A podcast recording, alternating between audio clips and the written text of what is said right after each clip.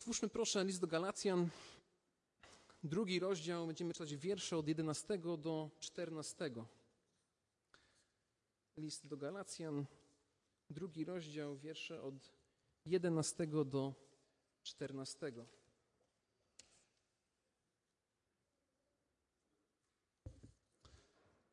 Możemy przeczytać następujące słowa.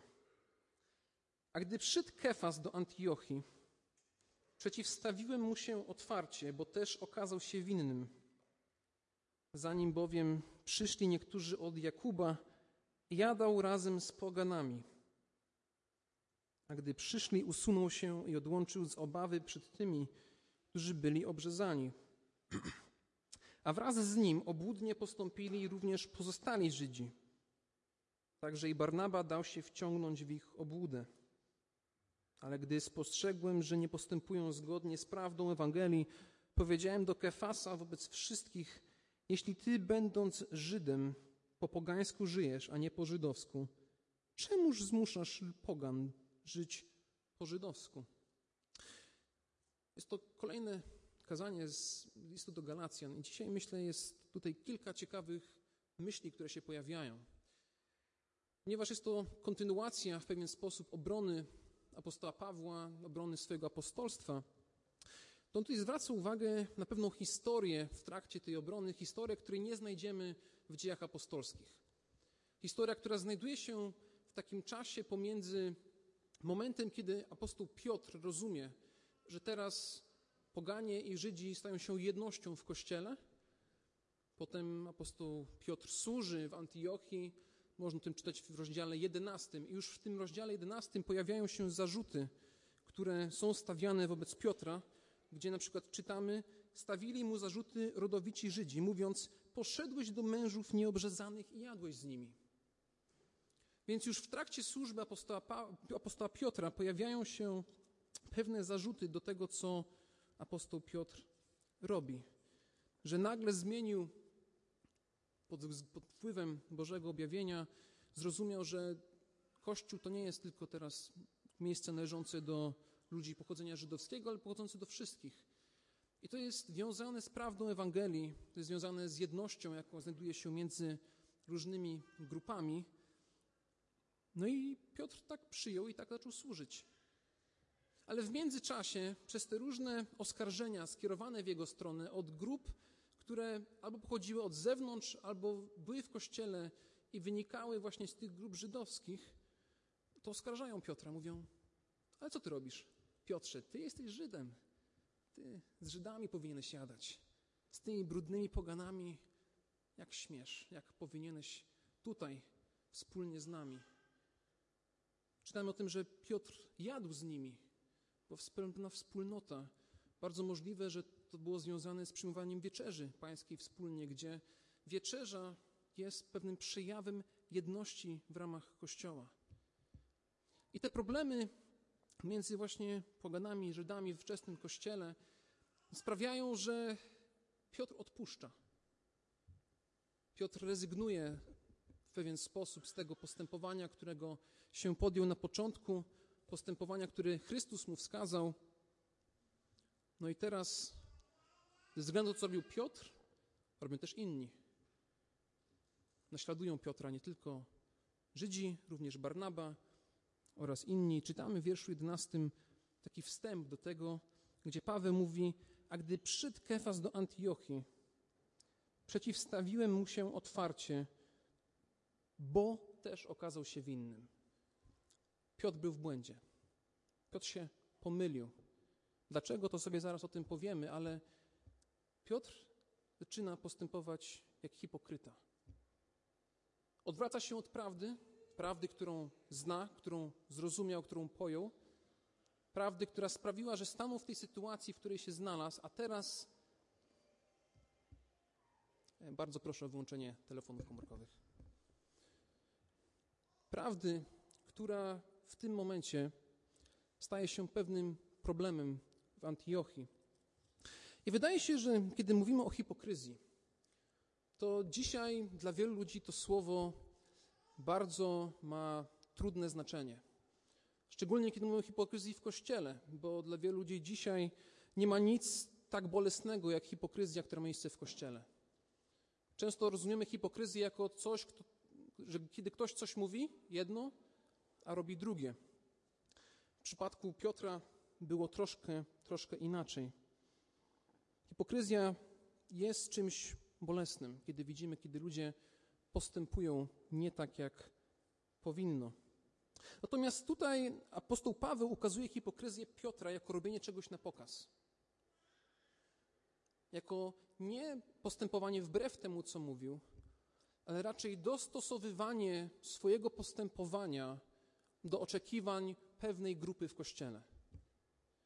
Jego sposób zachowywania się względem osób, które nie były może tak łatwo akceptowane, przez tą konkretną grupę było uznawane za niewłaściwe. Więc apostoł Piotr sprzeciwia się prawdzie, sprzeciwia się Ewangelii i równoznacznie z tym staje się hipokrytą. To słowo hipokryta, które tu się pojawia u nas, to jest słowo obuda, obudnik, albo postępuje obudnie. W starożytnej Grecji używane było do opisywania aktorów grających w teatrze. Takich, którzy zakładali maskę na swoją twarz i postępowali nie tak jak oni, tak jak oni osobiście by postępowali, ale grają pewną grę. Mają pewien akt do przedstawienia. I tutaj Piotr doskonale się w to wpasowuje. On gra pewną grę, przedstawia pewien akt po to, żeby się komuś przypodobać.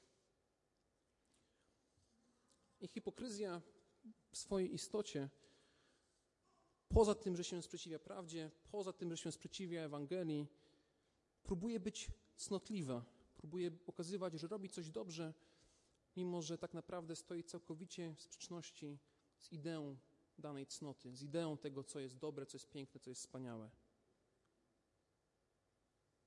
Próbuje zaznaczyć swoją cnotę.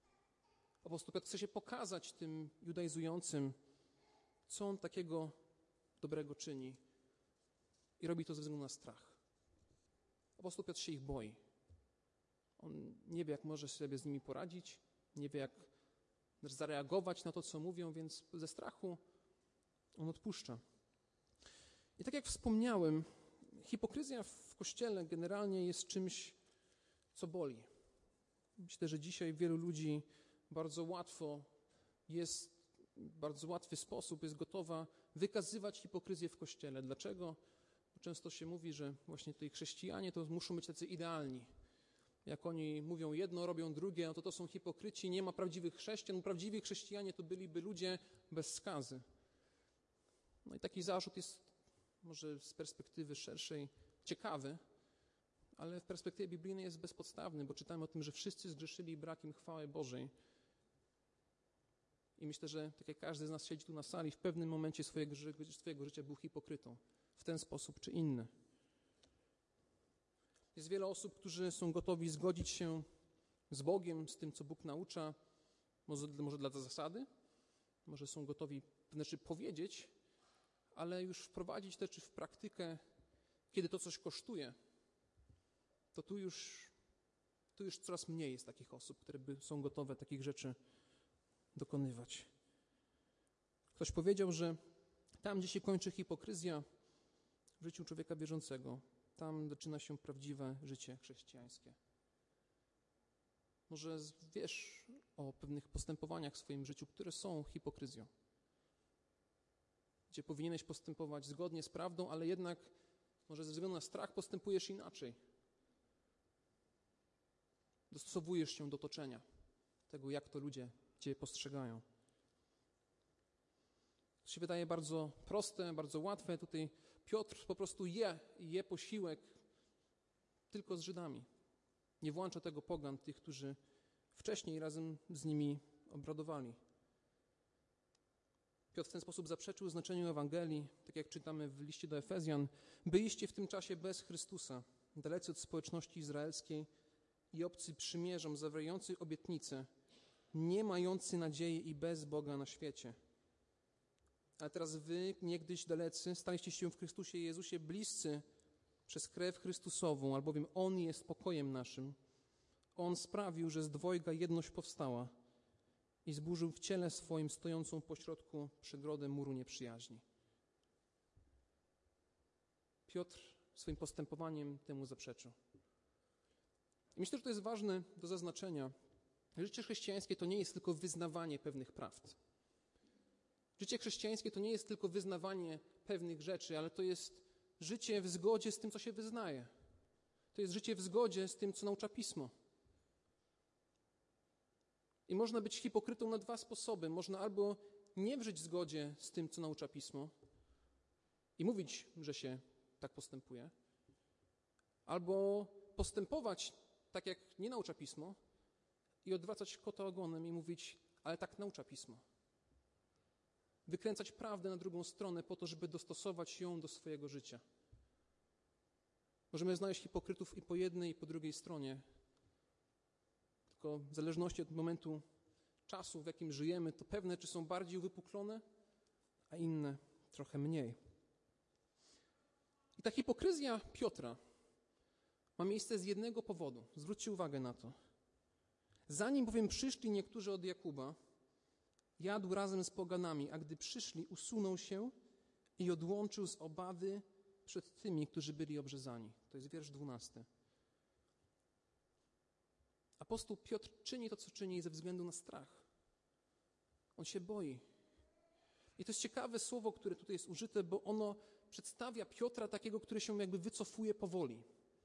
A to nie jest coś drastycznego, to nie jest coś nagłego w jego postępowaniu, to jest takie stopniowe wycofywanie się jak odpuszczanie.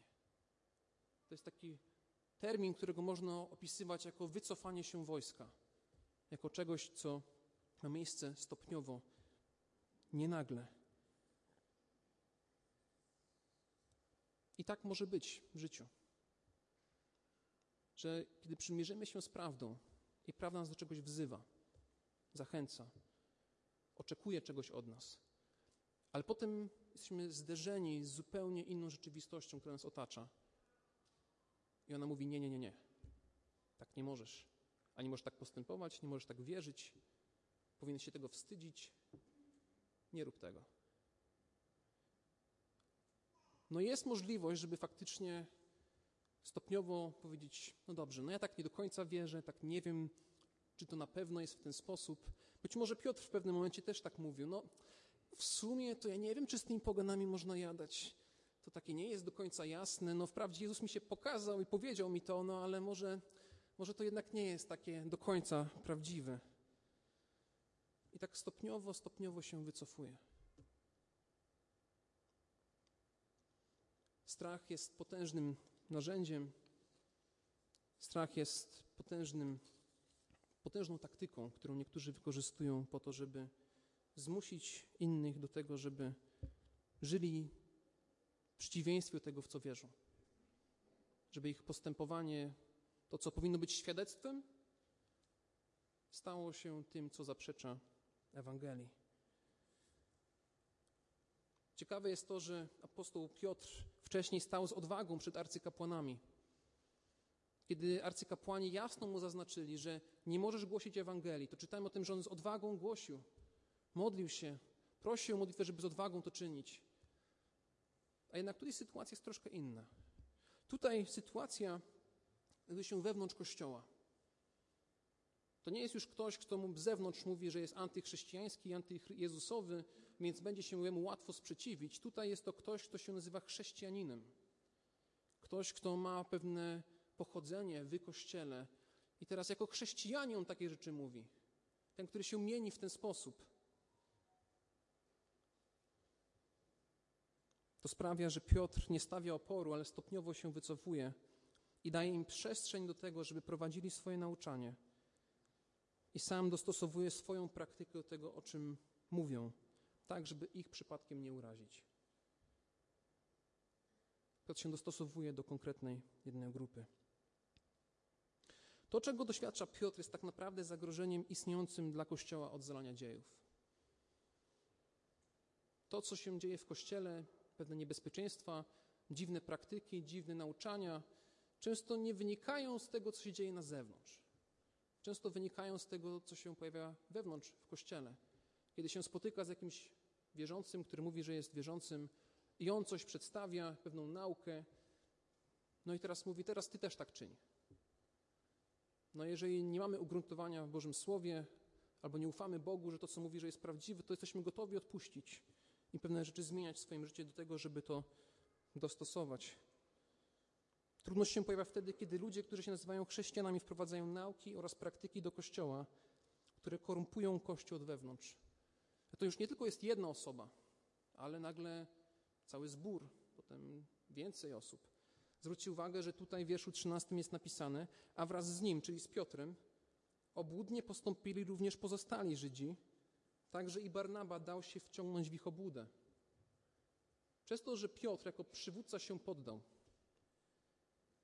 ta hipokryzja, którą on czynił, spadła na cały Kościół i nawet nie na cały Kościół, ale również na jednego z przedstawicieli innych przywódców, Barnaba, który służył z apostołem Pawłem, który pojechał wręcz z apostołem Pawłem do Jerozolimy, żeby bronić tego, co głoszą wśród pogan, sam wpadł tą pułapkę. I myślę, że to jest ogromna, ogromna prawda, która z tego wynika, jest taka, że tak naprawdę żaden przywódca w kościele nie jest bezpieczny przed hipokryzją. Żaden przywódca w kościele nie jest bezpieczny przed tym, żeby stanąć kiedyś przed ludźmi i faktycznie zrobić coś, co jest albo niezgodne z prawdą, albo żyć niezgodzie z prawdą. I myślę, że to są momenty, kiedy faktycznie, kiedy ludzie to widzą, to są momenty, kiedy ludzie najbardziej to doświadczają, to ich najbardziej boli. I to jest to, co wymaga pewnej korekty. Myślę, że wszystkie te rzeczy, gdybyśmy przyłożyć mogli to, co się dzieje tutaj, na współczesne czasy, to można by to przyłożyć w taki sposób, aczkolwiek zakładam, że raczej nie ma takich ludzi, ale to, co tu się dzieje, to jest jakby dzisiaj byli polscy bracia, polskie siostry, które przychodzą do zboru tu na Waliców i mówią, wiecie co, nie możecie brać Wieczerzy Pańskiej z Ukraińcami. Nie możecie. Bo oni są z Ukrainy, my jesteśmy z Polski. To jest niemożliwe. Wiecie, bo tutaj jednak Bóg chce, są narody, są różne ugrupowania. Niech oni robią swoje, my robimy swoje. Między nami nie ma jedności. I nagle ludzie powiedzieli: No tak, no w sumie nie jest to jasno w piśmie wskazane, może to nie jest do końca takie oczywiste, i nagle po kolei ludzie by pod to odpuszczali. Czy to byłby przejaw jedności w kościele? W życiu. A jednak to jest to, co tu się dzieje. To jest ten taki aspekt przemiany myślenia całego kościoła. Myślę, że w naszych czasach boimy się innych rzeczy. Nie boimy się może takich bezpośrednich jak tutaj, boimy się raczej kwestii moralnych. My się boimy kwestii etyki seksualnej, tego jak żyć, jak postępować. To są rzeczy, których my się współcześnie boimy, bo potem mówimy, że nie wiemy, wolimy się nie wypowiadać. To nie jest jasne, Boże Słowo nie jest pod tym kątem pewne. Najważniejsze jest to, żeby się miłować, żeby się kochać, żeby mieć jakiś taki wzajemny pokój. I naprawdę można, jak się pojeździ w różne miejsca, porozmawiać z ludźmi, którzy mają różne poglądy. Nie zawsze wynikają to z pisma, ale każdy się mieni chrześcijaninem. Nawet jeżeli sposób myślenia, sposób praktykowania, sposób życia nie idzie w zgodzie z tym, czego naucza Boże Słowo. Często można usłyszeć, że najważniejsze jest to, żeby być tolerancyjnym, ale równocześnie, jeżeli ktoś się sprzeciwia takim różnym naukom, to się potem praktykuje antytolerancję wobec tych, których te poglądy się nie podobają. Jest to pewien sposób na zastraszanie, zawstydzanie tych, których poglądy na te tematy faktycznie są biblijne do tego stopnia, że jest to skuteczna taktyka. Ludzie boją się o tym mówić, nie chcą o tym mówić. I potem się staje w kościele taki moment, kiedy młode pokolenie wyrasta w kościele, które tego nie rozumie. Które nie rozumie, że nazywanie grzechu grzechem jest ważne, ale równocześnie okazywanie miłości jest ważne. Bo się nagle człowiek skupia wyłącznie na miłości. Potem młodzi ludzie szukają takich rzeczy, szukają odpowiedzi, znajdują to w internecie i nagle zupełnie kolejny sposób myślenia się pojawia. Strach przed tym, jak o mnie ktoś pomyśli, jest czymś potężnym. I to może dotyczyć wielu rzeczy. Chrześcijanie nie stają w obronie prawdy ponieważ nie chcą stracić aprobaty ludzi może bogatych, może wpływowych, może znajomych, może przyjaciół. Dlatego nie chcąc zakłócać jakiejś relacji, chcemy zachować pewien pokój, pewien względne położenie. Zamiast konfrontować się z przyjaciółmi i rodziną, co tutaj robi apostoł Paweł, zaraz to sobie powiemy, to jednak odpuszczamy. I moi drodzy, powinniśmy się bać Boga bardziej niż płomieni. Powinniśmy się bardziej bać Boga niż ludzi. Powinniśmy bardziej się bać Boga niż utrata reputacji, pieniędzy czy czegokolwiek innego. I apostoł Piotr do takiego wniosku chyba później też dochodzi, bo w pierwszym liście Piotra czytamy i któż wyrządzi wam co złego, jeżeli będziecie gorliwymi rzecznikami dobrego. Ale jeżeli chociażbyście nawet mieli cierpieć dla sprawiedliwości, błogosławieni jesteście. Nie lękajcie się więc gruźb i nie trwóżcie się. Piotr mówi, ten, który się bał, tutaj w liście do Galacjan, mówi nagle, nie bójcie się, nie trwóżcie się. Jeżeli ufacie w Boże Słowo, ufacie w prawdę Ewangelii, to naprawdę nie macie się czego bać. Nie ma się czego bać. Powinniśmy się bać bardziej Boga. Co więcej, jeżeli zmieniamy nasze postępowanie, nasze myślenie po to, żeby się pewnym ludziom przypodobać, to nie jesteśmy błogosławieni.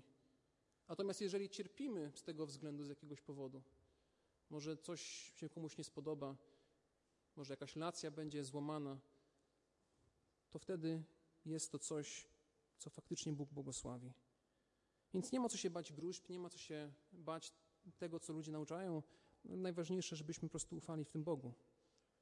Natomiast równocześnie nie jest istotne tylko, żeby trwać, żeby być jakoś, przetrwać przez to, co się dzieje. Myślę, że Piotr tutaj odpuścił całkowicie. I apostoł Paweł pokazuje pewną bardzo ważną rzecz, która jest niezwykle istotna, ale równocześnie dzisiaj chyba dosyć rzadko praktykowana. Zwróćcie uwagę na wiersz 14.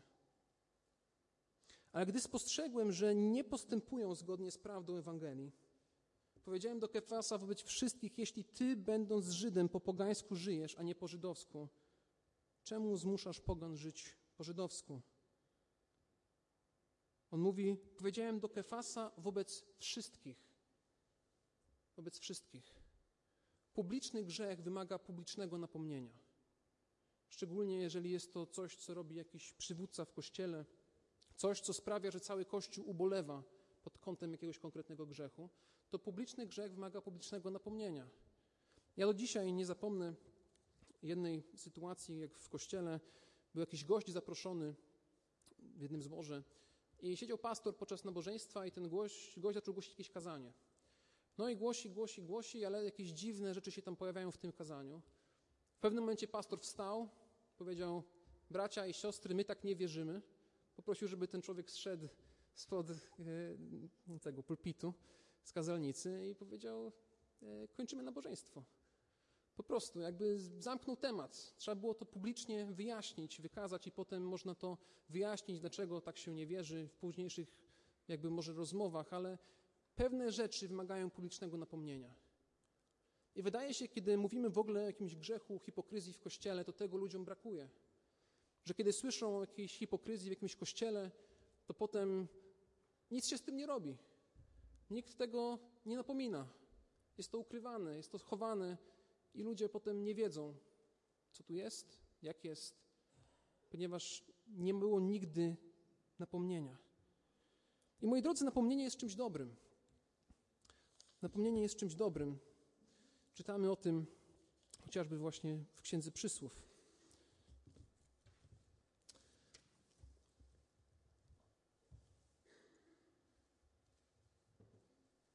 List do Efezjan akurat dosyć mocno czytany przeze mnie.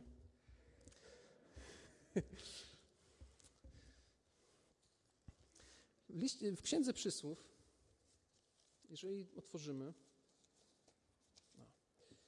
to w Księdze Przysłów w 27 rozdziale wierszu 5 i 28 rozdziale wierszu 23 mamy dwa stwierdzenia, które dotyczą napomnienia.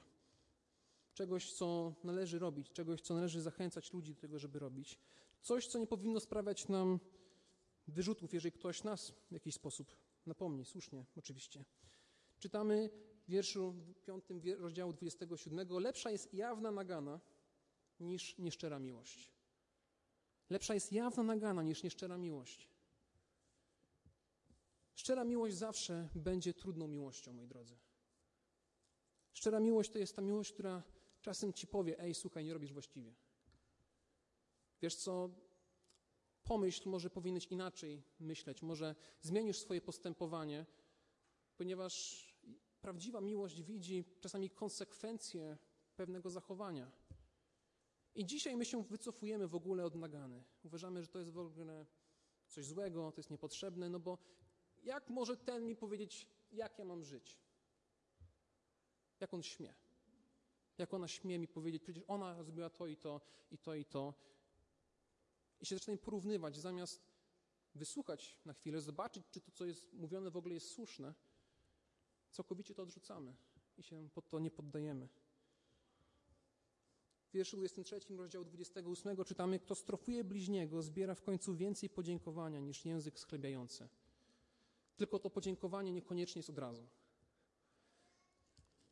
Znam kilka historii różnych ludzi, którzy byli napomnieni przez kogoś i na przykład po latach byli w stanie zadzwonić, powiedzieć, wiesz co, dzięki, że to mi powiedziałeś, to jednak źle, źle czyniłem. Nie mamy dzisiaj takiego nastawienia w naszym życiu, żeby mieć taką autorefleksję szybką. My raczej potrzebujemy trochę czasu. I wiecie co, kiedy Piotr był napomniany, to on się nie obraził na Pawła. Piotr się nie obraził na Pawła za to, że Paweł mu powiedział coś wprost i coś przed innymi ludźmi. Najlepiej jest oczywiście pewne rzeczy robić osobiście, o tym też mówiliśmy na jednym z kazań, ale są sytuacje, które wymagają tego publicznego napomnienia.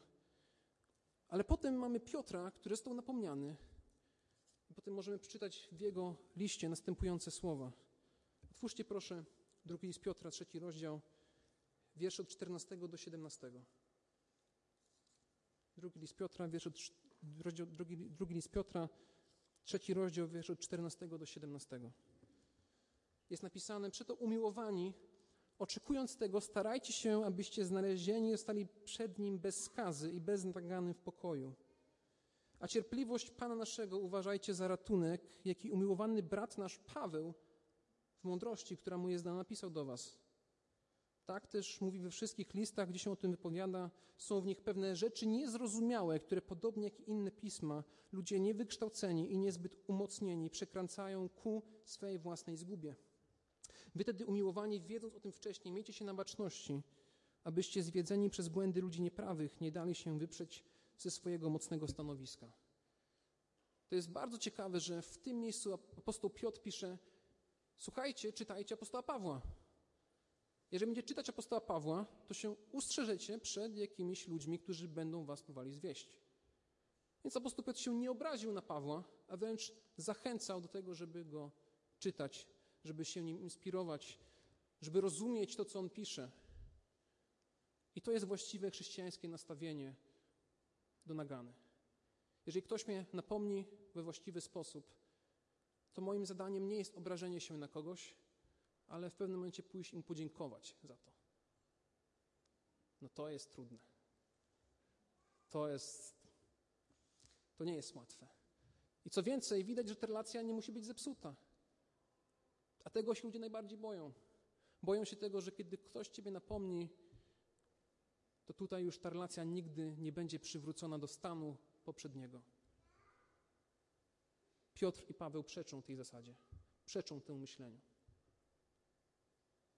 I czasami jest to potrzebne ze względu na Ewangelię, ze względu na to, co człowiek sobą przedstawia, jak postępuje, tego, żeby powiedzieć: Ej, słuchaj, nie jesteś właściwym świadectwem. To jak mówisz, postępujesz, to nie jest to. Więc moi drodzy, chciałbym, żebyśmy dzisiaj zapamiętali trzy rzeczy. Po pierwsze, hipokryzja ma różne kolory, ma różne barwy. Hipokryzja to jest czasem robienie jednego, a mówienie drugie. A czasami hipokryzją jest to, żeby zmieniać prawdę, żeby mógł żyć tak, jak mi się dalej podoba. Często jesteśmy hipokrytami nie ze względu na to, że tak nam się podoba, ale ze względu na strach, bo się kogoś boimy, co ktoś o nas pomyśli. Jeżeli ja to zrobię, to co on zrobi, albo co ona zrobi, co ona pomyśli, co z tego będę miał, czego z tego nie będę miał. I zamiast żyć w wolności Chrystusowej, żyjemy w takiej politycznej grze w naszych umysłach. Jeżeli zrobię to, to na szachownicy pojawi się to. Tutaj koń na D5, potem dama na E7 i potem jest szachmat i się próbuje tak manewrować te skomplikowane relacje. To nie jest życie chrześcijańskie, to nie jest życie wolności. Po trzecie, publiczny grzech wymaga publicznego napomnienia. Kiedy coś się dzieje publicznie w kościele i to nie jest publicznie napomniane albo publicznie wyjaśnione, to na pewno będzie to ze szkodą dla zboru. Będzie to ze szkodą dla kościoła, będzie to ze szkodą dla tych, którzy to widzieli i nie wiedzą, czy coś z tym było zrobione. Piotr został napomniany i jak widać, potem nie miał z tym żadnego problemu. I dlaczego był napomniany? Ze względu na Ewangelię. Ze względu na prawdę Ewangelii, ze względu na to, że jego świadectwo to nie było świadectwo Ewangelii. Moi drodzy, dla hipokrytów też jest nadzieja. To jest, myślę, bardzo ważny punkt. Jeżeli postępowałeś w jakiś sposób i potem się tego wstydziłeś, to może słusznie, że się wstydziłeś, ale jest dla ciebie przebaczenie w Jezusie Chrystusie. Hipokryzja nie jest czymś, co ostatecznie nas pokonuje, wręcz jest to coś, co ostatecznie powinno sprowadzić do Chrystusa. A jednak dzisiaj hipokryzja staje się taką trochę świętą krową z różnych względów, więc ludzie się boją. Ludzie się boją, postępują tak, jak może nie powinni postępować.